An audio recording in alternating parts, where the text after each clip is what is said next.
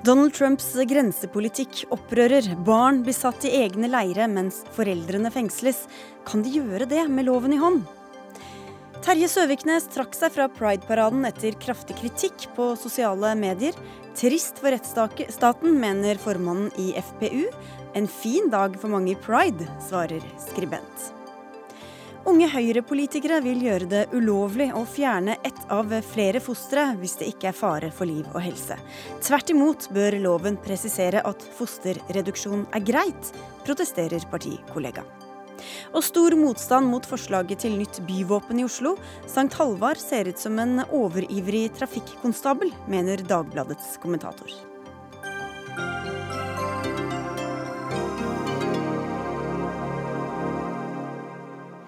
En ny uke og en ny sending i Dagsnytt 18, i dag ved Sigrid Solund. Men vi begynner med den økende ungdomskriminaliteten i Oslo, som har vært tema i hele vår. Nå forsøker aktørene å gjøre noe med det. I dag har politiet, byrådslederen, Røde Kors og flere andre diskutert hvordan de kan stanse eller snu denne trenden. For etter flere år med nedgang i straffbare forhold blant barn og unge, har det vært en markant økning de to siste årene. Og Hans Sverre Sjøvold, du er politimester i Oslo, velkommen. Takk. Vi har snakka mye om det, det, dette de siste månedene. Hvordan vil du beskrive situasjonen nå for ungdomskriminaliteten i hovedstaden? Ja, For det første så vil jeg si vi har jo forsøkt å gjøre noe med det ganske lenge, da. Eh, men det har jo blitt eh, mye turbulens rundt dette nå. Eh, vi har på plass mer ressurser i flere bydeler nå. Vi står der med mannskaper, det hjelper. Vi satser tungt også på å etterforske tunge eller alvorlig kriminalitet. I mange av de sakene, så har vi, særlig disse alvorlige voldssakene, så har vi gjort pågripelser, og vi har mange i varetekt.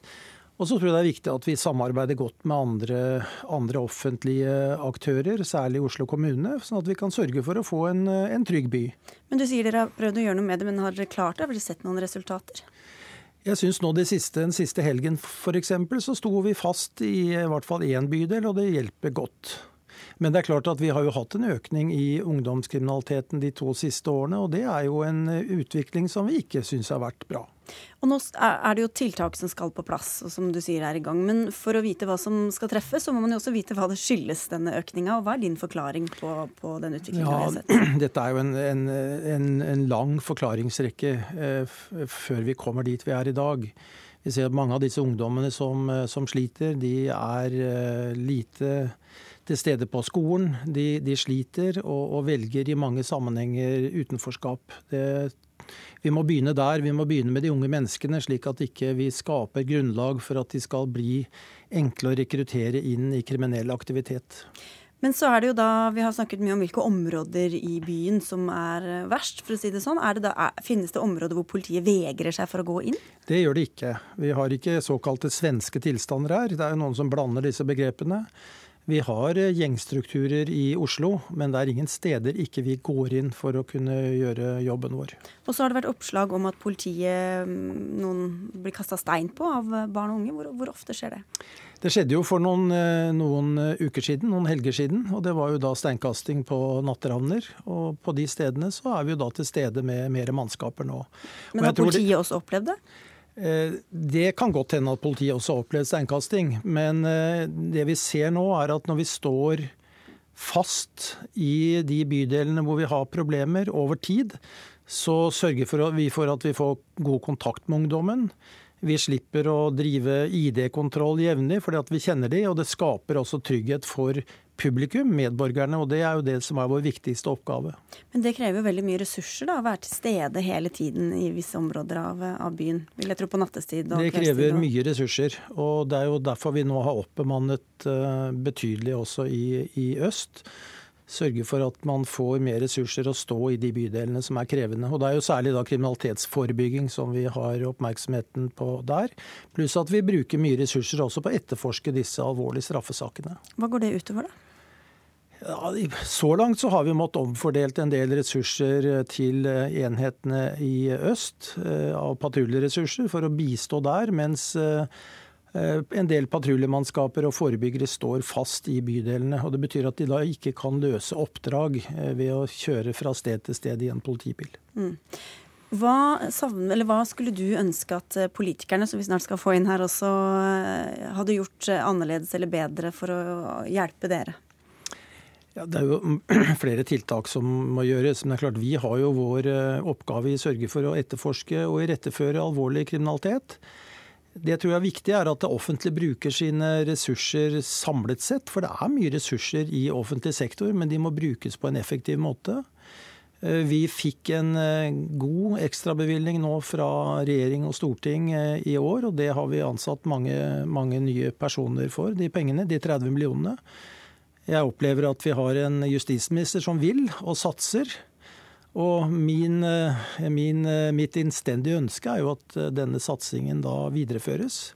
Og så har det vært en del diskusjon om en del kriminelle unge gjengangere som ikke vil være med på de tiltak som samfunnet iverksetter gjennom samfunnsstraff, konfliktrådsbehandling, ungdomsstraff. Og det er klart at eh, For noen av disse så mener jeg de bør møte samfunnet på en ganske tydelig måte, og at det er uakseptabelt. Altså få strengere reaksjoner? Det må reageres raskt, og det må reageres strengt. Og jeg vet det har vært en diskusjon om at vi skal ikke sette barn i fengsel. Det er jo ikke noe jeg heller ønsker, slik at de kommer ut igjen kanskje som enda mer kriminelle. Men på et eller annet vis så er det ikke akseptabelt at unge mennesker velger en kriminell løpebane og ikke vil være med på noen av de tiltakene som samfunnet tilbyr. Da må vi sette en stopper. Flere, flere muligheter for reaksjoner, da? Eh, muligheter for reaksjoner, og jeg vil også si at kanskje noen av de over en tid bør møte en låst dør med et godt tilbud når det gjelder skole, oppfølging av psykologer og andre, slik at de kan komme ut igjen som mer balanserte samfunnsborgere. Så en slags ungdomsfengsel, eller hva? jeg, jeg, vil ikke definere det. For jeg merker jo med en gang at vi nevner eh, dette begrepet, så er det jo mange som er imot. For vi setter ikke barn i fengsel, vi gjør ikke det, og vi gjør ikke det. Samtidig så må noen også reagere mot kriminell ungdom som ikke vil innrette seg. Det er det som er vårt budskap nå. Mm, men hvis man låser noen inne og begrenser friheten deres, så blir det et slags fengsel, da. Det bør vel ikke nødvendigvis være gitter foran eh, døren heller, da.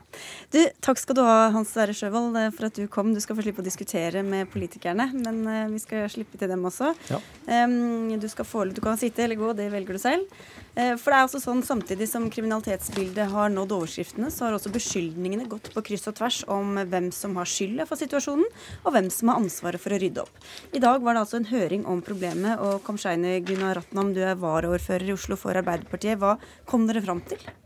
Vet du, eh, Jeg tror alle opplevde den høringa veldig, veldig konstruktiv og veldig kunnskapsløftende. Eh, så gikk alle ut av den salen og følte seg litt klokere på temaet. Ja, Men kom dere fram til noen løsninger? Nei, dette her var en høring. Mm. Målet var å lære mer og forstå mer og få flere eksempler på bordet. Så det var ikke meningen å komme fram til konklusjon på slutten av denne høringa, men vi kommer til å komme med noen flere konklusjoner etter hvert. Men noe har dere sikkert gjort, gjort dere opp en mening om allerede. Du representerer jo byrådet, altså myndighetene i Oslo. Hva er det dere bidrar med som løsning? Jeg representerer ikke byrådet. Jeg er eh, en del av ledelsen i bystyret. bystyret. Vi har parlamentarisme i Oslo, ja, eh, så det er annerledes fra andre, andre, kommuner. Eh, nei, en ting som jeg følte liksom var en gjenganger, og som alle var enige om, er at det er en rekke problemstillinger som, som må ses på på tvers av de politiske skillelinjene. Det er bl.a. veldig mye siloer. Så det er en del ting av liksom, byrådet kommer til å jobbe med. Silo, hva er det for noe? Silo er at du tenker liksom, altså Vi har sykt mange eh, smarte folk i Oslo kommune kommune. Men det kan hende at alle jobber liksom på sitt felt. Så en av de tingene som eh, det kommer til å bli gjort mye med eh, framover, og som allerede skjer, det er at samhandlingen skal bli bedre. At man er flinkere til å eh, jobbe på tvers av de ulike faga. Eh, det kommer til å være noe av det viktigste eh, vi gjør framover. Himanshu Gulato, du er stortingsrepresentant for Fremskrittspartiet og medlem av justiskomiteen der. Bare for å spørre, hvor mye penger har eh, Frp satt av til eh, forebygging av ungdoms- og gjengkriminalitet i Oslo? Det er jo satt av mye penger, og for å løse disse utfordringene vi ser, så trenger vi satsing på flere ting. Vi trenger satsing på politi, noe som det er gjort mye av eh, de siste årene. Nesten 300 politistillinger i Oslo på fire år. Vi trenger penger til forebygging. Der er jo mye hos kommunen, selv om noe også ligger sentralt. Vi trenger til barnevern, på skole, på den type ting. Men så trenger vi også mye som ikke handler om penger. Vi reduserer ofte debatter til å handle om penger. Hvis vi bare tar pengene først, da. Hva, men hva har dere satt av egne, egne penger til rent dette, for å forebygge dette? Det er jo mange tiltak som er gjort eh, for forebygging. Blant annet så er det eh, nå innført gratis kjernetid i barnehager for lavtlønnede familier for å f.eks. bedre integreringen. Det er eh, satt krav eh, om bo... Det er jo ikke barnehagebarna som eh, kaster stein på politiet? Men, men, men, det, er jo integrering Utdanning handler jo om at man blir inkludert i samfunnet. Og når vi ser at foreldre svikter i omsorgsrollen, noe vi ser mye av når 12-13-åringer får lov å henge til langt over midnatt ute på gatene, da viser det at vi kan gjøre mer for å bedre integreringen. Og Der er barnehage også et viktig tiltak. Så klart, Men det er på lang, på lang sikt. Ja. Eh, hva har dere gjort eh, fra, fra, politisk hold nå for å løse dette nå på kort sikt? Det er det som er poenget mitt, at Vi trenger tiltak i flere faser. Skal vi hindre at flere generasjoner havner utpå, må vi begynne tidlig med de nye generasjonene. Det skjønner jeg, men nå er det en, ja. en litt sånn akutt situasjon nå da, som også må løses. Absolutt. Og dere der? Og det vi ser er at veldig mange ungdom nå er involvert i ungdomskriminalitet. De driver med vold, kanskje hasjsalg. Altså de er småkriminelle. Og vi har gode tiltak for å ta de hardbakka kriminelle. Og det vi nå trenger, er også tiltak som gjør at de ungdommene vi i dag ser, ikke blir hardbakka kriminelle. Mm. Jeg var selv i går ute på Dagsrevyen og lanserte flere tiltak, bl.a. at man må se på lukka barnevernsinstitusjoner, man må se på kanskje ungdomsteam i politiet, slik at de som i dag, de ungdommene vi i dag ser driver med vold eller selger hasj, ikke blir tatt for drap eller skyting neste gang, men at vi klarer å få stoppa de før de blir hardbarka kriminelle. Men nå snakker du fortsatt om forebygging, så det er ja. ikke noen egne penger satt av til å, til å ta tak i det akkurat akutte nå? Jo, men, men, fra regjeringens hold, fra Stortingets ja. hold, så har vi satt av penger til konkrete tiltak. F.eks. Eh, kjernetid i barnehagene. Og så er det mye annen forebygging på skolene, eh, ungdomsklubber osv., ja. men mye av det ligger hos kommunen, som Kampsi bl.a. Ja. Men, men ikke, altså, igjen, dette er forebygging. Det er ikke ja. noe som skal liksom bedre situasjonen akkurat nå. for den... Eh, nei, og For å bedre situasjonen nå, så er det jo viktig at politiet får de ressursene de trenger for å vise at det som nå skjer, det er ikke akseptabelt. Altså, vi skal selvsagt satse på Hvor mye penger, på, ekstra penger har dere da gitt til Oslo-politiet? vel, Nå ble det jo satt av 30 millioner til politiet i april eller mai, om jeg ikke husker feil. Og så er det jo satt av før det også penger til en 70-80 politistillinger ekstra i år. Så det er satt av mye penger i utgangspunktet, i tillegg til at det er kommet en ekstra satsing nå siste ukene. Ja, Vi skal ikke undervurdere, undervurdere, barnehageplasser, eh, så det skal vi også satse på. Eh, men det vi f.eks. har gjort, er at vi allerede nå i revidert budsjett eh, har begynt å se på sommertilbudene. Vi vet at det er veldig mange barn og unge som ikke har noe å gjøre etter skoletid. Og om sommerferien, når man ikke har et sted å reise til heller, og ikke skal på ferie, så er det enda viktigere da å ha sommerjobber, utekontakter, fritidstilbud med lengre åpningstider, som er for de kidsa som er i gråsonen allerede. Og politiet er også kjempeviktig her. Vi kan ikke bare tilby, tilby liksom superkule fritidstilbud når liksom gutta som er en del av de organiserte kriminelle miljøene, kanskje står rett utafor. Og da er det like viktig å ha politiet på plass. Hvor har dere feilet, da, siden situasjonen har kunnet bli sånn som den er blitt nå? Det vi lærte i dag, eh, hvis jeg skal liksom trekke oss tilbake til høringa, er at dette er ikke så enkelt som å si at det er én ting som har feila. Det er flere ting som har feila uh, på en og, hva skal jeg si, over tid. For så mener vi at det, har, det forrige byrådet har kutta i bydelsøkonomien. Vi har da 15 bydeler i Oslo som er på størrelse med mellomstore norske kommuner. det er under deres ledelse at dette har forverra seg, da? Uh, nei. Forrige byrådet har kutta i bydelsøkonomien eh, jo, over 18 år. Kriminalitetsstatistikken har jo økt under deres ledelse. Ja, men det er jo ikke sånn at ungdom bare plutselig tydde til vold i 2015. Ting har jo, blitt, eh, har jo bygget seg over, opp over tid. Eh, og jeg mener at eh, bydelsøkonomien har vært utsatt over en lengre periode, som har gjort at fritidsklubbene, som er det aller viktigste virkemidlet vi har, har måttet kutte sine tilbud over lengre tid. Og det begynner vi nå å satse på, satse på mye større grad. Ja, vi kunne sikkert sitte her og fordelt skyld eh, og, og, og brukt hele debatten på det, men, men, det som er viktig er at vi eh, snakker om løsninger og tiltak. Og det har vi også gjort. Men når vi snakker om forebygging, så må vi også eh, tørre å, å adressere det som er elefanten i rommet. Og det er at Mange av de problemene her handler om integrering og in, integreringsutfordringer som har bygd seg opp over lengre tid. De nye statistikkene viser at av de 36 mindreårige gjengangerne som, som er registrert, så har 35 innvandrerbakgrunn. Og Vi ser nå i Oslo store utfordringer med integrering i mange bydeler. Fire av Oslos bydeler har et flertall av innvandrerbefolkning, og i tre andre er det nesten 50 og, og det er noe vi må adressere. fordi um, mange av de problemene vi ser, og også veldig mange av de ungdommene vi nå ser at er ute å kjøre, er nettopp innvandrerungdom. og Da er vi nødt til å ha en innvandringspolitikk hvor vi stenger, eh, stiller strengere krav. og Der er vi bl.a. nå eh, innført botid for å få kontantstøtte, slik at man ikke skal få ytelser og, og den type ting automatisk. Og jeg mener også at vi må stille foreldrene til ansvar. Fordi hvor er foreldrene når barna er ute til langt over midnatt og driver med kriminalitet? Kriminell virksomhet. Det, det viser at, ja. at, ting har sviktet. Jeg tror Når du nevner det, så kommer vi fortsatt ikke utenom den skyldfordelingen. Ja. for det er, det er, sikkert det du skal Men det er interessant, det er interessant det du sier, fordi at vi skal stille krav, og det skal vi fortsette å gjøre. Og vi skal stille krav til foreldrene. Men ikke ett menneske. Vi hadde så mange ulike personer, institusjoner og organisasjoner på besøk i dag, og ikke ett menneske hadde et ønske om å snakke om verken hudfarge eller innvandrerbakgrunn. Men det er ikke det han sier heller, at det skal handle om hudfarge? Nei, men dette handler, altså, dette handler, om at vi ikke skal se på hvilken, eh, hvilken innvandrerbakgrunn folk helt tilfeldig at 35 av 36 har eh, innvandringsbakgrunn? Det handler om sosiale forskjeller. Og det er det vi prøver å påpeke, og det er det menneskene i dag på høringen også påpekte. Men da har integreringen feilet på et eller annet tidspunkt, da? Ja, vi, vi sier ikke at altså, integreringen ikke har sine utfordringer i Oslo, men de skal imøte, uh, imøteses med tiltak og ikke problemskrivelse. Jeg mener uh, at den uh, type forsøk på å lure seg unna hva som er mye av kjernen til problemet, er veldig farlig. For det har vi sett man gjør i andre steder, bl.a. Sverige, at man ikke tør å si at innvandring og integrering også bringer med seg en del utfordringer, som igjen skaper problemer. Og Jeg var i debatt her mot Raymond Johansen en måned siden, hvor han også benektet mange av de problemene som han nå foreslår løsninger på. Men det, det kom vel også fram at dere i Frp hadde bedt Oslo om å ta imot flere flyktninger enn det de faktisk hadde gjort, så der var det et litt sammensatt problemstilling der. På den måten at vi fremmet et forslag om folkeavstemning om vi skulle ta imot okay, de 10 000 flere flyktningene. Vi skal bare plukke opp helt på tampen her noe av det som ble sagt fra politimesteren, nemlig at han ønsket seg flere bak, om ikke det var et fengsel, så i hvert fall fengselslignende eh, tilstand. Hva sier dere i Arbeiderpartiet om det, da? Altså, Jon Rogerud snakket om eh, hurtigdomstol. Eh, men der mener han at det er viktig at de tenker i et eh, barnevernsperspektiv, og ikke ikke altså tough on crime, da. Nei, så, Men er du enig eller uenig i det? Ja, jeg jeg, jeg syns det er interessant, og jeg mener vi skal se på det. Og hurtigdomstol er veldig interessant. Det har vi jo innført med denne regjeringen, men vi mener at det også skal kunne brukes på ungdom. Men jeg mener at de som er gjengangere, de som er kriminelle, de må vi faktisk bruke hardere lut mot. Det skal få en konsekvens hvis man driver med kriminalitet, men samtidig som vi må ta de som har, gjort det, må vi også få gode tiltak for, som, for å forhindre at flere blir kriminelle. Så i tiltakene på lang sikt så hørtes det ut som dere i hvert fall kan være ganske enige? Ja. Ja, ja, men da får vi jo avslutte med en deilig enighet her, da. Takk skal dere ha begge to for at dere kom. Kamshaini Gunaratnam, som altså er varaordfører i Oslo for Arbeiderpartiet, og Himanshu Gulati, som er stortingsrepresentant for Fremskrittspartiet.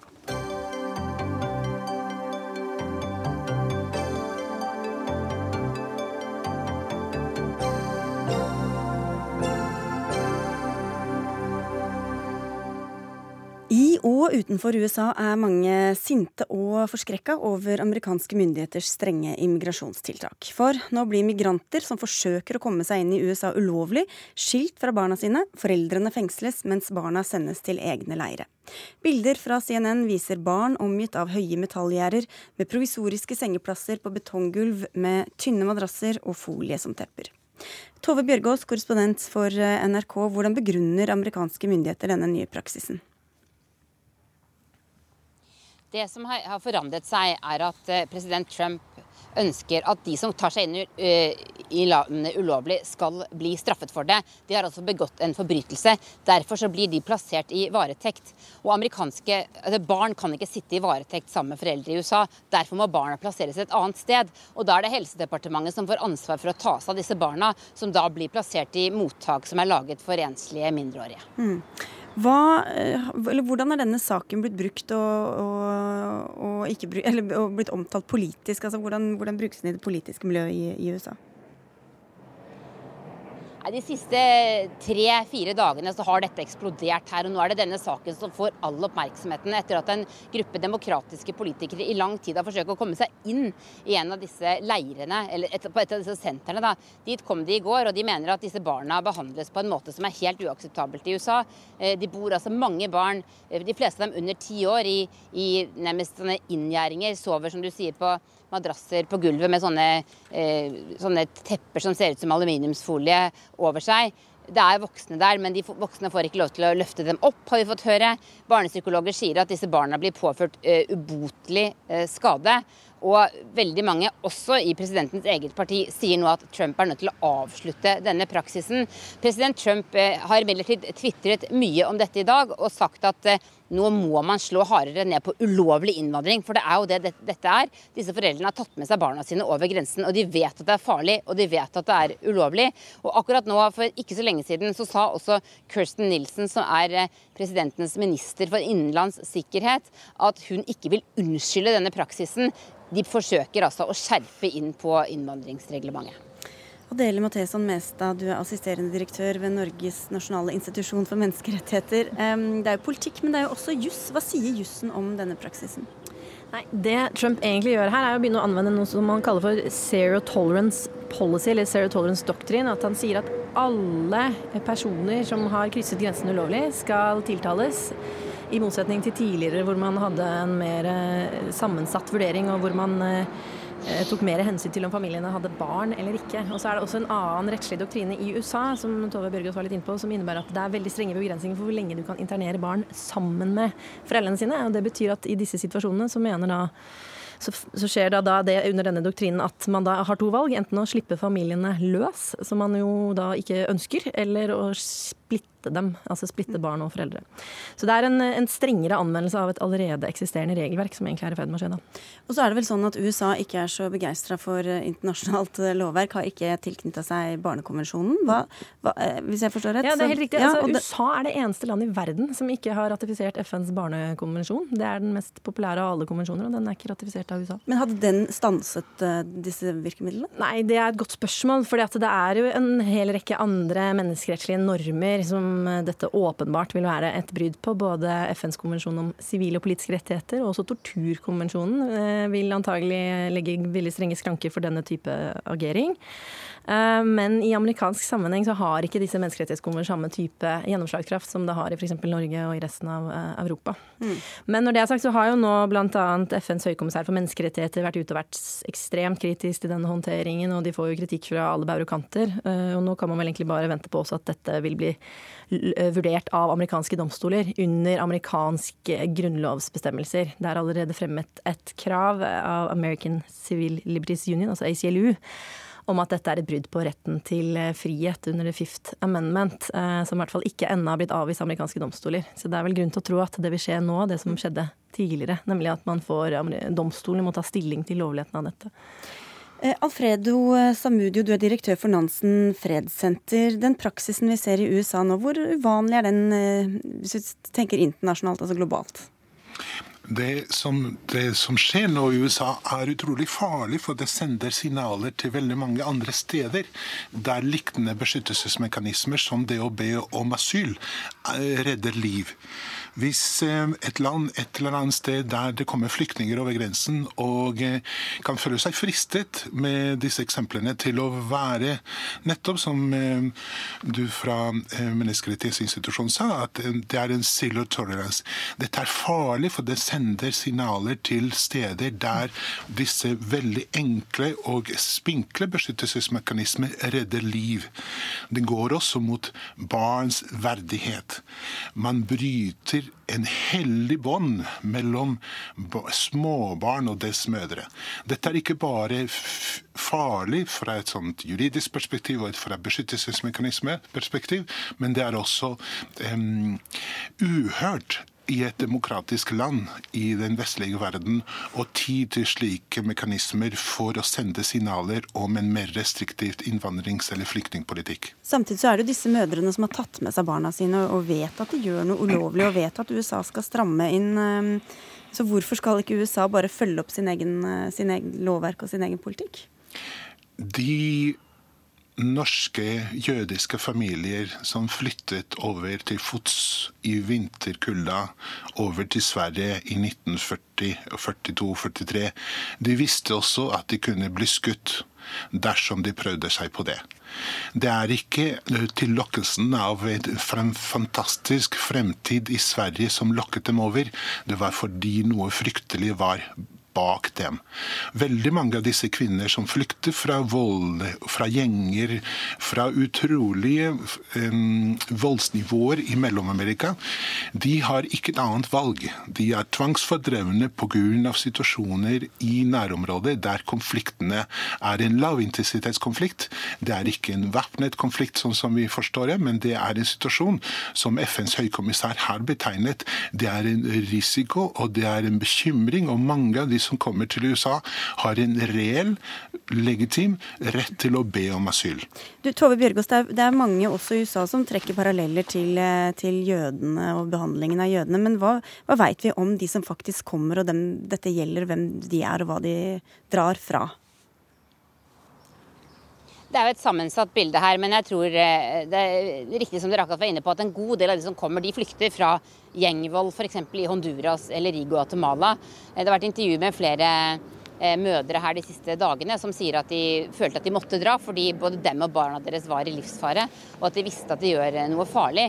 Det som også er eh, et faktum, er jo at denne innvandringen hit, den ulovlige innvandringen går ofte i bølger. Nå har det kommet veldig mange på kort tid. Det er så mange som eh, altså Det er 2000 barn som er blitt skilt fra foreldrene bare i seks uker fra midten av april til slutten av mai. Vi kan kanskje tenke at det er minst 3000 barn som nå er i denne situasjonen. Og det virker også som myndighetene ikke har planlagt eh, hvordan disse barna skal gjenforenes med foreldrene sine. Jeg så bl.a. et intervju med en dame i Guatemala. Hun hadde altså flyktet med sin åtte år gamle sønn. Er nå blitt deportert tilbake til Guatemala, mens sønnen hennes er i USA. Mestad, hva hadde vært alternativet? De kan jo ikke bli med foreldrene i fengsel. Så hva, hvordan kunne amerikanske myndigheter ha løst dette? da? På en tilfredsstillende måte for alle. Dette reflekterer for så vidt en større diskusjon som man også ser i Europa. Hva gjør man med barn av foreldre som har tatt valg som får store, store konsekvenser for barnas liv på utlendingsfeltet? Eh, men i Europa og i Norge så ser man jo da etter mye mer humane måter. Man kan praktisere meldeplikt, man kan praktisere fotlenke, utredes jo nå i norsk sammenheng. Eh, sånn at det finnes jo en hel haug med alternativer, men de vil jo være vesentlig mer ressurskrevende, selvfølgelig. Men også til det andre spørsmålet ditt, hvorfor Uh, hva skal man gjøre i en sånn situasjon? Hva kan politikerne gjøre? Nei, altså, poenget med menneskerettigheter og poenget med konstitusjonelle normer er at det bare går noen absolutte grenser for hva politikere kan finne på. Og det som skjer i USA nå, er at man går langt utenfor hva de rettighetene, hva de normene aksepterer. Og det er veldig alvorlig, for det vitner om en sånn grunnleggende, et grunnleggende syn på grunnleggende rettigheter som er eh, veldig bekymringsfullt. Da. Og det er denne bekymringen som jeg deler, fordi det vi lærte under annen verdenskrig, var nettopp at menneskeliv og humanisme var Man måtte ta vare på det gjennom en konstruksjon av ulike menneskerettighetsmekanismer som tar vare på kjernen på det essensielle at menneskeliv og verdigheten i menneskeliv er essensiell. Når man angriper og dekonstruerer det beskyttelsesmekanisme som menneskerettigheter er, så er vi ille ute å kjøre. Mm. Du, til, på slutt her, eh, Tove Bjørgaas. Eh, dette har jo, som vi nevnte, vakt eh, sterke reaksjoner også internt i USA. Trumps egen kone har vel også gått ut mot praksisen, i likhet med flere både internt i kirken og i det republikanske partiet. Hvordan svarer Trump-administrasjonen på denne kritikken? Nei, Som jeg nevnte innledningsvis, så har de i dag eh, double down, som de pleier å gjøre. Trump er eh, på Twitter ute etter å kritisere demokratene og sier at de må vedta en strengere innvandringslovgivning. Ministeren sier altså at de ikke vil be om unnskyldning. Eh, dette er jo en av Trumps virkelige hjertesaker. Å skjerpe inn innvandringen til USA og få slutt på den ulovlige innvandringen hvis han kunne. Men det er også et problem USA har slitt med i flere tiår uten at politikerne har klart å komme fram til lovgivning. Nå er det slik at det vi også ser i Det hvite hus, da, som jo opptrer på en helt annen måte enn det vi er vant til, det sitter bl.a. én person igjen etter alle disse som har sluttet i Det hvite hus. Det er en som heter Steven Miller. Han har eh, vært arkitekten visstnok bak mye av denne politikken også. Det var også han som skrev det første innreiseforbudet som dere kanskje husker til Trump, som havnet i domstolene. Dette er virkelig en av de sakene der Trump har eh, hjertet sitt, mener mange her. Han ønsker altså virkelig å gå langt for å kjempe mot ulovlig innvandring. Da må vi si tusen takk til dere i denne omgang Adele Matheson Mestad fra Norges nasjonale institusjon for menneskerettigheter, og til deg Alfredo Samudio, du er direktør ved Nansen fredssenter, og takk også til eh, Tove Bjørgaas.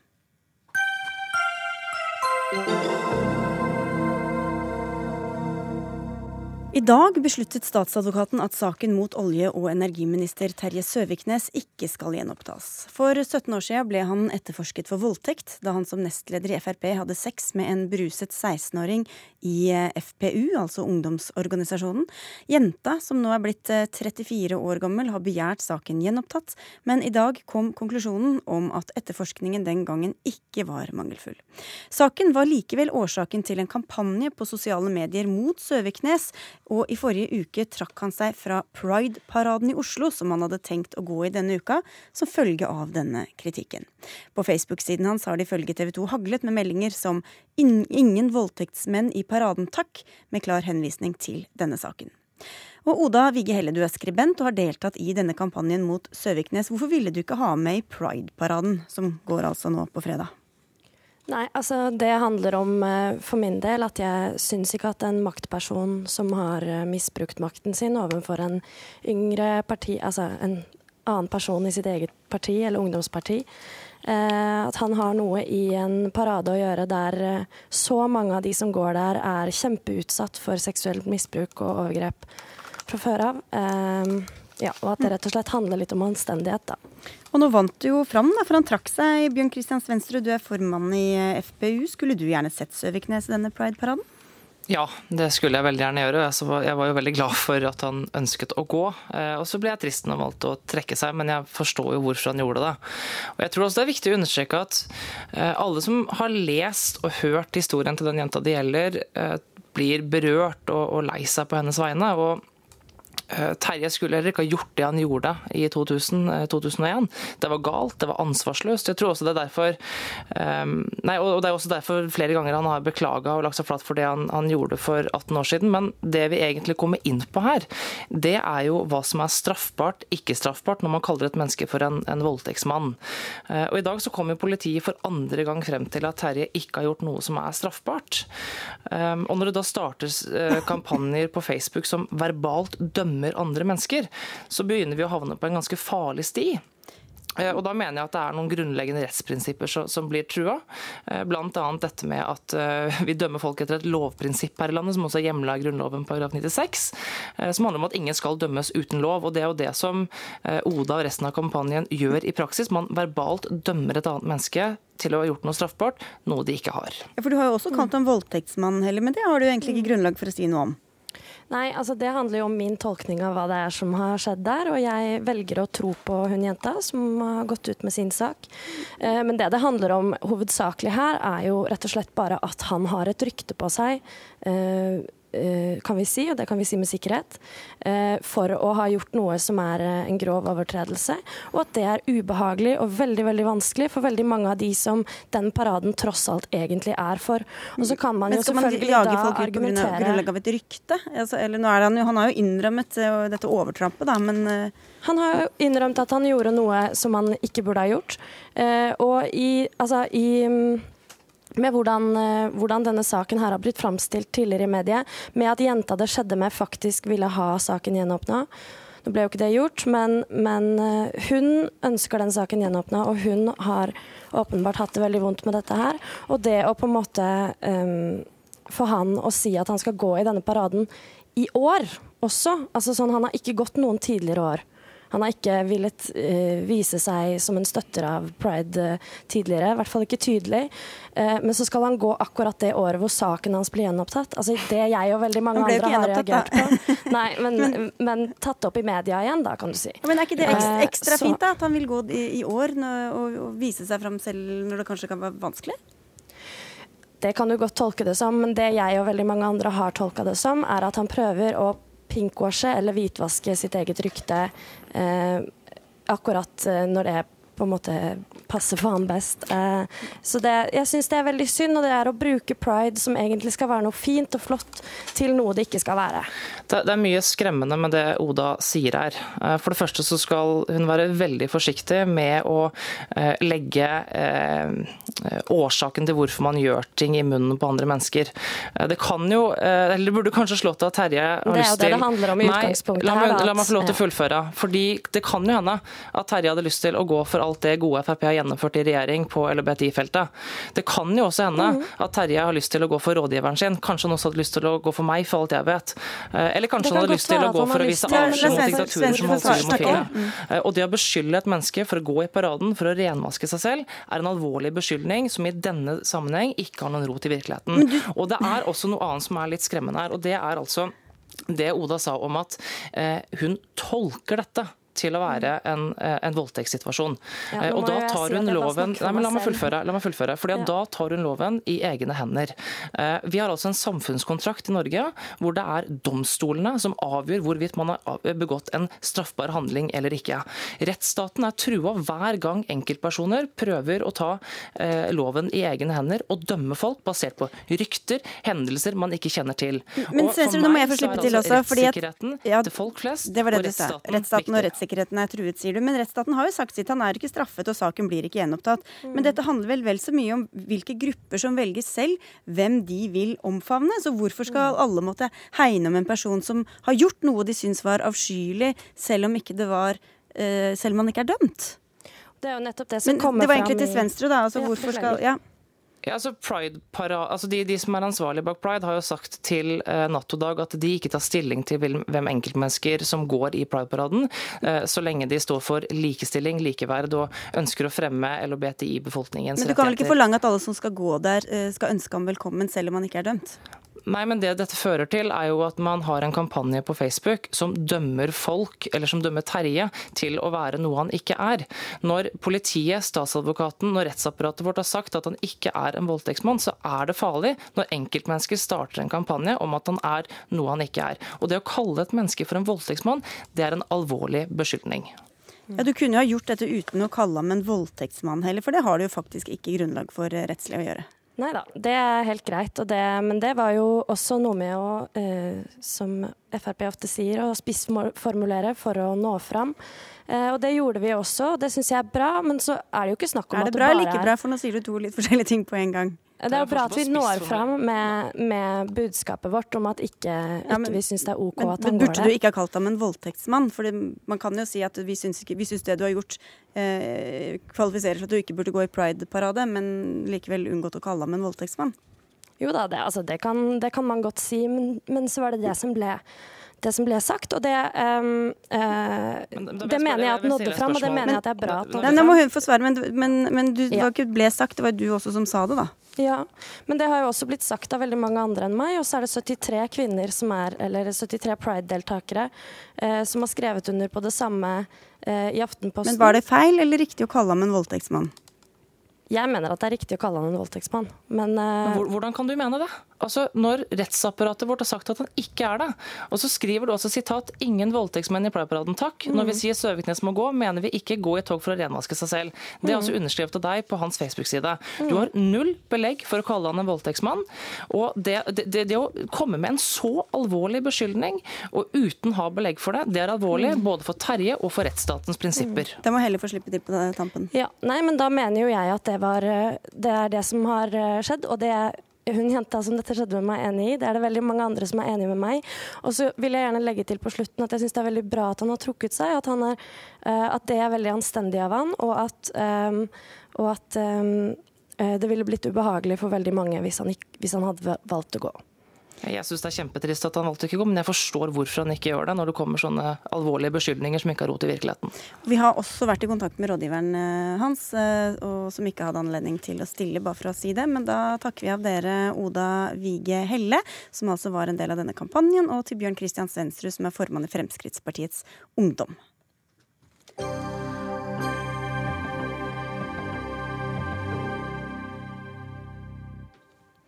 Vi trenger en ny abortlov som evner å se menneskeverdet. Det skriver to medlemmer av Unge Høyre i Side i Aftenposten i forkant av organisasjonens landsmøte til helga.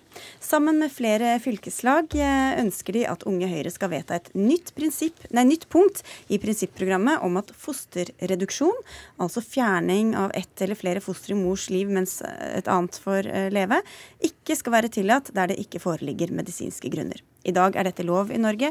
I fjor var det 19 tilfeller av det, hvorav sju fosterreduksjoner skyldtes utviklingsavvik. Det er litt vanskelig materiale her. Mm, mm. Eh, Knut Jørgen Kirkeberg, du er altså andre nestleder i Trøndelag Unge Høyre og en av kronikkforfatterne.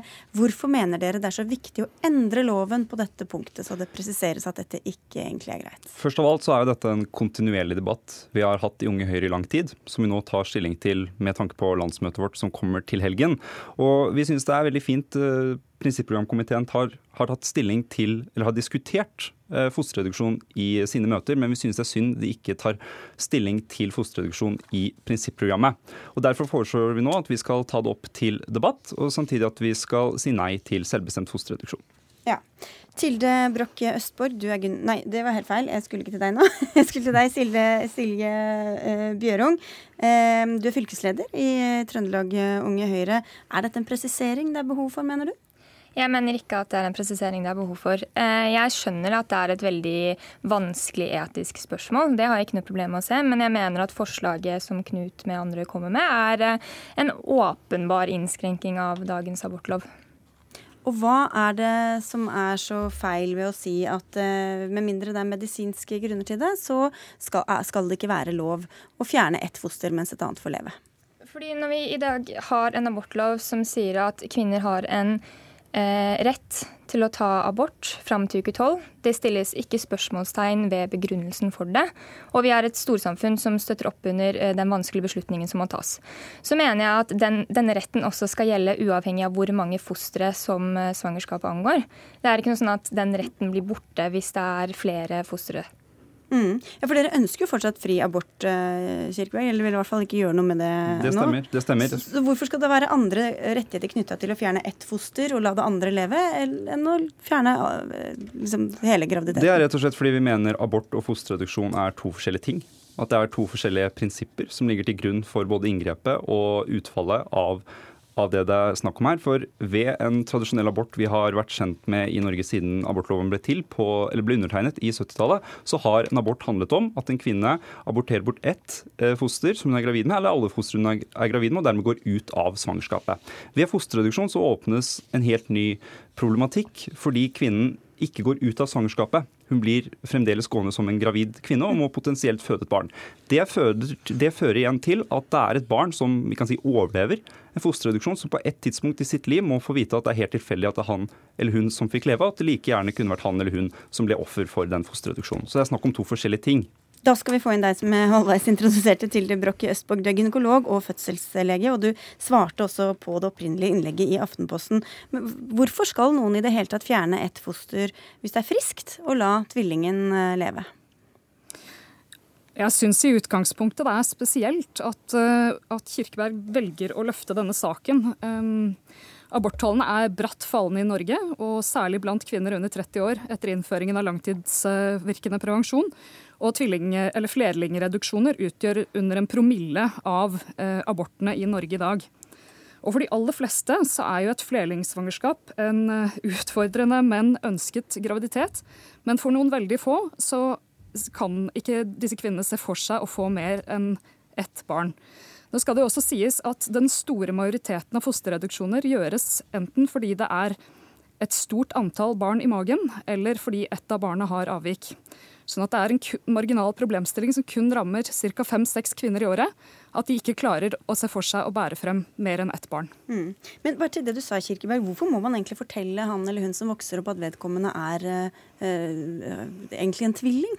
Det handler vel egentlig om grunnleggende identitetsspørsmål. Jeg tror ethvert menneske i Norge ønsker å vite mye om sin identitet. Og det vil jo mer eller mindre være, en, være en lik praksis som at en skal få beskjed om at en f.eks. er unnfanget ved, ved assistert befruktning, at en er adoptert osv. Jeg tror ingen lovgiver som sitter på Stortinget vil stemme mot uh, en slik uh, praksis, kan vi si. Jeg synes, ja, Der må jeg bare skyte inn. Altså det, det argumentet der Kirkeberg syns jeg ikke holder mål i det hele tatt. Det å skulle pålegge kvinner uh, å fortelle sine barn hvilke andre søsken de kunne ha hatt, som de ikke har, enten pga. Uh, en spontanabort, pga. en tidligere provosert abort tidligere i livet, eller en flerlingreduksjon, det er faktisk en privatsak og ikke noe som lovgiver bør kunne regulere. Men nå har jo bl.a. jeg og flere, dette, flere som er bak dette forslaget, fått flere henvendelser fra tvillinger rundt om i hele landet som er glad for at vi nå tar kampen. Solaya fra Oslo på 16 år skrev f.eks. til meg at jeg vil ikke og kan ikke forestille meg et liv uten tvillingbroren min. Men det er jo ikke så rart. Nei. Men det, hvis hun ikke hadde hatt den tvillingen, så hadde hun jo hadde, det, er jo litt vanskelig, det er jo litt vanskelig sånn kontra mm. faktisk eh, historieskrivning, da. Men det med fosterreduksjon det er at det er andre hensyn å ta kontra det vanlige abortspørsmålet. Fordi barnets Hva skal jeg si Det som, det som rammer barnet, kommer like mye inn i bildet her Skipte Bjørung også. Jeg kan jo også bare skyte inn at eh, jeg kan jo også si, sitte her og si helhjertet at jeg kunne aldri sett for meg et liv uten min storebror. Eh, så jeg ser ikke helt hvorfor det skiller seg ut med fosterreduksjon, men ikke med andre eh, aborter. Så jeg stiller meg 100 eh, bak det Tilde sier her. Og så vil jeg også legge til at jeg synes Det som er litt spesielt med det forslaget, her, er at man, altså man reduserer rettighetene til kvinnen på den ene siden. Man reduserer også rettighetene til fosteret som enkeltindivid på den andre siden. Og så gir man rettigheter til graviditeten. Jeg mener at man skal ivareta rettighetene både til fosteret gjennom svangerskapet, men også rettighetene til kvinnen. Nå er, dette, nå er jo som sagt fosterreduksjon noe annet enn en vanlig abort. Det var jo ikke fra lovgiveren, lovgivernes, lovgivernes intensjon når abortloven ble undertegnet på 70-tallet at fosterreduksjon skulle være rammet av det lovverket. Abortloven vi kjenner i dag, heter tross alt lov om svangerskapsavbrudd. Fosterreduksjon var ikke teknisk eller medisinsk mulig når abortloven var til. Men det er en semantisk problemstilling. Det er en semantisk problemstilling. I de fleste andre språk så bruker man abortion som eh, terminologi. Så at loven heter lov om svangerskapsavbrudd, det er en semantisk problemstilling. Det er fremdeles ikke et motargument for at vi trenger en ny abortlov tilpasset 2018. Så er det slik at den abortloven ble innført for at kvinner skulle ha kontroll med sin reproduksjon og kunne velge om de ville bære frem barn eller ikke, og hvor mange barn de skulle bære frem. Men, det var intensjonen med abortloven. Men det er vel også en økt risiko for det fosteret som blir igjen når man fjerner et annet foster i, eh, i mors liv, Østborg? Det er helt klart en risiko for det gjenlevende fosteret, og det er noe kvinnen må få nøye informasjon om dersom hun velger å gjøre en fosterreduksjon. Men når det er sagt, så har jeg også vært med på en forferdelig situasjon hvor en kvinne som ikke reduserte trillinger, mistet alle sine barn i uke 21 pga. prematur fødsel, som er en komplikasjon man kunne ha unngått ved en reduksjon. Og For mange så blir kanskje heller alternativet å fjerne begge eller alle fostrene, eh, Kirkeberg, i stedet for å fjerne ett. Ja. Og da er det, det er vel ikke det du vil? Nei, altså, det, Ved å tillate en praksis med fosterreduksjon, som vi i dag gjør, så senker en jo terskelen for å fjerne et foster slik at aborttallene kan gå opp. Og i nabolandene våre, bl.a. hvor det er en strengere praksis Tror du ikke at for mange så er alternativet ikke å bære fram alle, men å fjerne alle? Jeg tror at eh, ved en fosterreduksjon så er det selvfølgelig at siden vi tillater det i dag, så senker det terskelen for å kunne benytte seg av det. Uten jo. at det er nødvendigvis for at en kan benytte jo. seg av men, men, tror du alternativet er å la alle fostrene leve, eller å fjerne alle fostrene for disse få det gjelder? Det vi sier er at fosterreduksjon er noe annet enn en vanlig abort. Men det er ikke det jeg spør om, da. Men, men Kirkeberg, når, beklager, nå skyter jeg inn her, altså. Men når dette utgjør en promille av disse eh, abortene, Tror du virkelig at det vil påvirke aborttallene? Og det andre, som er min sterke oppfordring til Kirkeberg, er istedenfor å snakke om forbud, gjør mer for kvinner og deres barn. Engangsstønaden per i dag er helt umulig og lite bærekraftig å skulle få barn på. Gjør ting for flerlinggravide, gjør ting for kvinner som bærer frem barn med spesielle behov. Men la abortloven være. Det at det er få som rammes av, inngrepet, eller at det at det er få som benytter seg av en fosterreduksjon, det bryr jeg meg egentlig ikke noe om. Jeg hadde sittet her om det var én person som hadde benyttet seg av inngrep, eller om det var 500 000 som hadde benyttet seg av det. Dette handler om liv. Både jeg og Silje jeg tror jeg er enig i det. Men, men, du svarte aldri på spørsmålet mitt. om du, hva du tror, altså Hvis det er livet som er viktig, hvorfor er det dette ene livet som kan bli fjernet, i stedet for eventuelt to eller tre liv som kan gå tapt, hvis du da alternativet er å fjerne er, alle? Vi legger jo selvfølgelig at det er rettigheten til tvillingen til grunn, og at det er noe annet. At det er samtidig tvillingen sitt liv, og tvillingen rettighet. At den mister en, hva skal jeg si, en god livslang bestevenn med en fosterreduksjon må jeg bare skyte inn at det er nettopp fostrenes rettigheter du eh, innskrenker. Fordi du gjør, eh, istedenfor at sånn som det er i dag, så er hvert enkelt foster har sine rettigheter som enkeltindivider. Men med dette forslaget her så vil du gjøre fostrenes rettigheter avhengig av hverandre.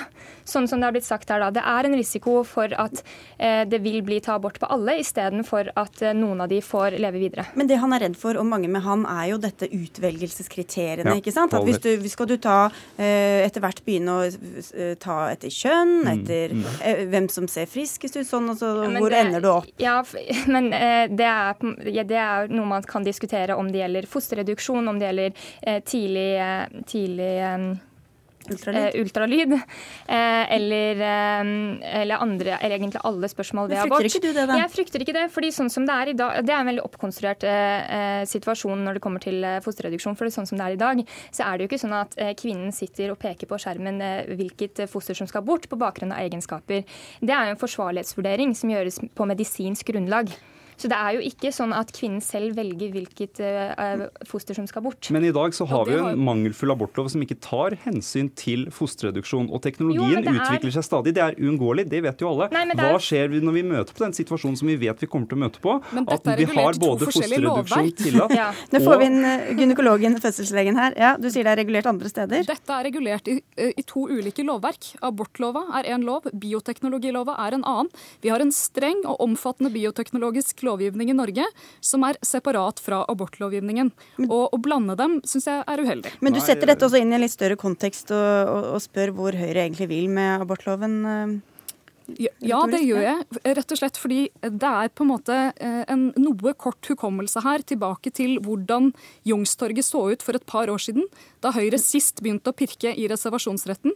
Dette er eh, å ta opp denne saken, som er så marginal og som gjelder så få, tror jeg er et ønske om å revitalisere en abortdebatt nok en gang eh, på det året hvor abortlova feirer 40 år. Ja, det er veldig kort kommentar. Det er hele Høyre som ja. Eh, står for dette. Jeg skjønner det er veldig uenig. Ja, beklager. Der er jeg er begge enige, tror jeg. At uh, vi, vi Unge Høyre vi tar ansvar når vi skal behandle prinsippene våre. Og det er ikke hver, hver helg vi behandler et prinsipprogram. Det skjer kanskje en gang hvert tiår. Så da tar, tar vi ansvar. Da står vi for prinsippene våre, og da tar vi kampene. Ja, og jeg håper landsmøtet er enig med meg, og jeg håper at landsmøtet er eh, enig i at man ikke skal eh, rokke ved rammene rundt eh, selvbestemt abort.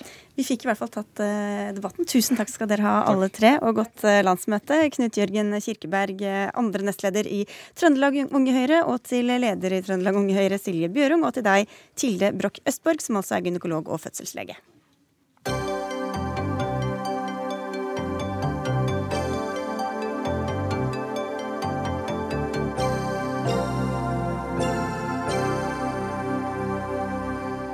Og med mindre du har bodd under en stein den siste uka, har du mest sannsynlig fått med deg at Oslo kommune foreslår å endre byvåpenet med Sankt Halvard, og dette setter mange sinn i kok. Det gamle byvåpenet har mange detaljer.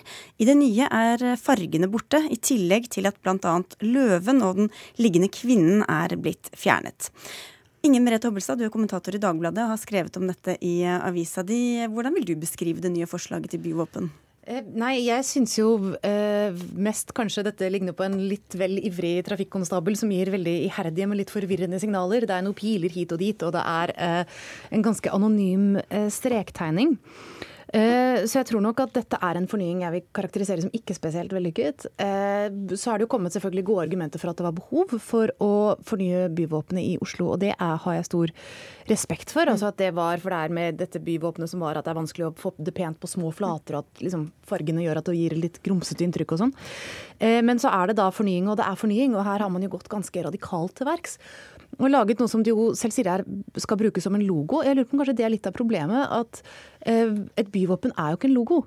Mm. Eh, et byvåpen er et symbol på en by som skal henge sammen med det som har vært der før. En logo er noe som skal være Det er litt som den eh, trekanten eh, til Telenor og sånn. Og Derfor så tror jeg også at det kan ha med å gjøre med reaksjonene. Altså at det er liksom ikke lenger et symbol. De som følger oss på TV skal kun se dette bildet nå, for dem som ikke har sett det fra før av. Men det er mange som er enig med deg. Historieløst, grått og trist, upersonlig. Rakel Trøye, du er professor og prorektor ved Arkitektur- og designhøgskolen i Oslo. Du er langt mer begeistret, kan vi si. Ja, det er jeg. Fordi at eh, det dette symbolet gjør, er jo å skape en ny visuell identitet for Oslo kommune. Og jeg mener at det er riktig å forenkle. Jeg tenker at det handler ikke om heraldikk. Det handler ikke om å, å erstatte det eksisterende byvåpenet, men vi har behov for et symbol som kan representere all den aktiviteten og de etatene osv. som Oslo kommune har, og hvordan den skal kommuniseres i alle mulige digitale flater, som er lett lesbar og forståelig da, for, en, eh, for, hele befolkningen. Men da er vi inne på det som Hobbelstad kaller en logo. Mm. Så mm. hvorfor kan man ikke ha det ene på det ett sted, og det, liksom et annet byvåpen som er det ordentlige byvåpenet, som ikke mm. er det som skal fungere på disse små flatene og digitale stedene? Jeg tenker det er viktig for Oslo kommune å være konsistent, eh, sånn at eh, innbyggerne og de menneskene de kommuniserer med, kan forstå det. Men så vidt jeg har forstått, så er det jo ikke meningen å erstatte det gamle byvåpenet i en del settinger, altså i arkitektur, på kumlokk osv. Men i all kommunikasjon, altså være seg apper, være seg trykksaker, uniformer og alt mulig, at det er ensartet, det er konsistent og troverdig sånn sett, og ganske transparent, tenker jeg er viktig. Så jeg, jeg tror man skal klare å operere med de to. Men hva, altså, ja. Kan jeg bare få bemerke at Hvis det ikke er snakk om å erstatte byvåpenet, så er det i hvert fall ganske nær. For det som står på siden til Oslo kommune, eh, det er jo at det gamle eh, byvåpenet kan brukes i enkelte situasjoner som har spesielt, liksom, legger spesielt vekt på den historiske. Det er ikke forbudt å bruke det. ja, så er det omtrent det de sier. At nei, nei, hvis du absolutt må, så kan du få lov å bruke det. Men altså, de legger jo opp til at i stor grad er det nye som nå skal brukes. Men hva er det som er mistet i det nye? Altså, det vi, dette handler ikke om heraldikk, hørte vi, men hva er det som er borte? Nei, altså Det er jo abstrahert inn inntil det omtrent uh, uforståelige. Samtidig så er det jo en liten ting de har forbedret. Jeg synes det er verdt å bemerke det også. På denne møllesteinen som Sankt uh, Halvard holder, så er det jo nå et firkantet hull. Og det måtte man jo ha i en møllestein for at den hele tatt skulle bli dratt rundt av kjeppen oppi. Den var rund i det gamle, uh, gamle byvåpenet. Men i det store og det hele så er det jo veldig vanskelig å se på dette byvåpenet og få noen følelse av hva slags historie det dreier seg om. Altså hva slags skikkelser det er snakk om. altså Det er jo disse tre pilene som ser ut som sånne retninger som står ut av hendene på denne skikkelsen. Det er jo fordi Halvard eh, da i 1049 var det vel, ble drept av disse eh, tre pilene. Og det er jo blitt vist flere eksempler de siste dagene om at logoen har allerede blitt eh, forenklet av andre, altså av andre hensyn, noen som skulle bruke klesmerke og sånn. Og der ser man at det er blitt et renere utseende, samtidig som den har tydelig sammenheng med våpenskjoldet og med liksom dette seilet som det er bygget på. Da. Og, og historien bl.a. med denne nakne kvinnen som er borte, mm. borte. Så vi har liksom sentrale elementer som er forsvunnet fra hele fortellingen. Ja, jeg tenker at eh, nå til dags at en kvinne ligger for, ved føttene til en mann, jeg er ikke helt sikker på om det er en, symbolikk vi ønsker å dra med oss fremover i fremtiden. Men eh, Det er jo litt tøyste sak, men jeg tenker for et symbol og en logo som skal fungere på den måten som en helhetlig visuell identitet må, så er det begrenset hvor mye detaljer man kan rett og slett ha i, eh, i selve symbolet. Og jeg synes faktisk, altså Hvis man ser veldig sånn objektivt på det, de har opprettholdt en runding, de har borgkronen, de har Sankt Halvard i en ganske gjenkjennelig positur med møllesteinen, med pilene. Så jeg syns egentlig at de har ivaretatt veldig store deler av historien til et symbol som, som skal kunne reduseres til bitte lite, enten i piksler på en app eller i tekstil osv. Så, videre. så må vi huske på at denne, dette symbolet kommer jo i ganske mange sammenhenger ikke til å opptre helt alene, for det er en del av en helhetlig visuell identitet, hvor den opptrer med fotografier, farver og andre grafiske elementer. Ja, altså nå er det jo, i hvert fall da jeg skrev om dette, og jeg tror de fleste som uttaler seg om dette, ikke har vært mot fornying per sådan, eller, eller forenkling som sådan. Altså Det er jo dette at det virker som om det er eh, forenklet i den grad at det er blitt ganske eh, intetsigende. Eh, og det, jeg tror dette med at det er mistet liksom kontakten med eh, fortiden er noe, med det det en gang var, er noe av det eh, vesentlige her. Altså, fordi det er noe det som gjenspeiler litt hva det er å bo i en by. Vi går rundt i Oslo, der er, der er Akershus festning, der er Bjørvika som ble bygget for litt siden, der er leiligheten til Ibsen. Det å være være en by, er på en måte å være i en del av en kontinuitet. Og byvåpenet skal også være et symbol som har dette eh, i seg. Og hva man nå gjør med liksom, kvinnen eller med det ene eller det andre elementet, altså, det kan man diskutere når et utkast eh, foreligger. Men at dette kunne løses på mange forskjellige måter, og at dette ikke er en spesielt heldig måte, tror jeg er, eh, det er fremdeles inntrykk jeg sitter igjen med, i hvert fall. Ja, jeg er ikke enig, for jeg føler at de virkelig drar med seg veldig mye. Hvis du ser på sammenlignet med Helsinki, hvordan de har fornyet sitt uh, byvåpen, så har de bare så vidt tatt bitte lite grann av en byvåpen-omriss eh, og skrevet Helsinki inn i. De har jo dratt det veldig veldig langt og gjort noe ekstremt abstrakt. Jeg syns i dette tilfellet så har de vært ganske tro og respektfulle overfor den historien. Men uh, ja, det er min mening. og så er det vel sjelden populært å endre noe som har lange tradisjoner og dype røtter, Hobbelstad. altså. Om et par-tre år så sitter du og koser deg med det nye byvåpenet. Syns det er helt feilflott. Ja, altså det er jo selvfølgelig uh, slik man ser altså når F.eks. når de endrer kjenningsmelodien til Dagsnytt eller hva som helst som har vært der lenge, så blir det jo ramaskrik om det. Det på en måte hører jo med til enhver uh, slik debatt. Men jeg tror likevel det er uh, viktig å ha med seg det. Altså, man, altså for det første, Man skal ikke beholde noe bare for, noe bare for, å beholde noe. Det at ting har vært sånn lenge er ikke noe argument for å holde på det. Men samtidig så når man skal fornye ting, så må man kunne si at det er eh, forskjellige forslag til fornyelser som har forskjellig kvalitet. Da. Og I dette tilfellet så tror jeg kanskje reaksjonene kan si noe om at folk følte at det ble litt for sterkt brudd da, mellom det man var vant til å ha som eh, symbol på en by, og det som det var blitt. Burde hatt noen andre i overgangen. Sånn, latt hun ligge der 50 år til, og så det er jo litt sånn som Coca-Cola holder på. De endrer jo og justerer jo logoen sin hele tiden, sånn at ingen merker det egentlig. ikke sant? Men hvis du sammenligner den originallogoen med dagens, så er det stor forskjell. Men eh, jeg tror det handler litt om altså du var inne på det, litt the shock of the new. ikke sant? At man liker ikke endring og er kritisk til det som er nytt. Men eh, ja, jeg, jeg tror vi kommer til å leve godt med, med det nye symbolet. Og det får vi se om det blir noe av, da, for forslaget til ny visuell identitet behandles i Oslo bystyre i løpet av året. Det var det vi rakk i dagens Dagsnytt 18. Takk skal dere ha, Inger Merete Hobbelstad i Dagbladet og Rakel Troje fra Arkitektur- og designhøgskolen. Dagsnytt 18 er over for i dag. Dag Dørum, Finn Lie og jeg, Sigrid Solund, takker for oss og ønsker en eh, herlig kveld videre.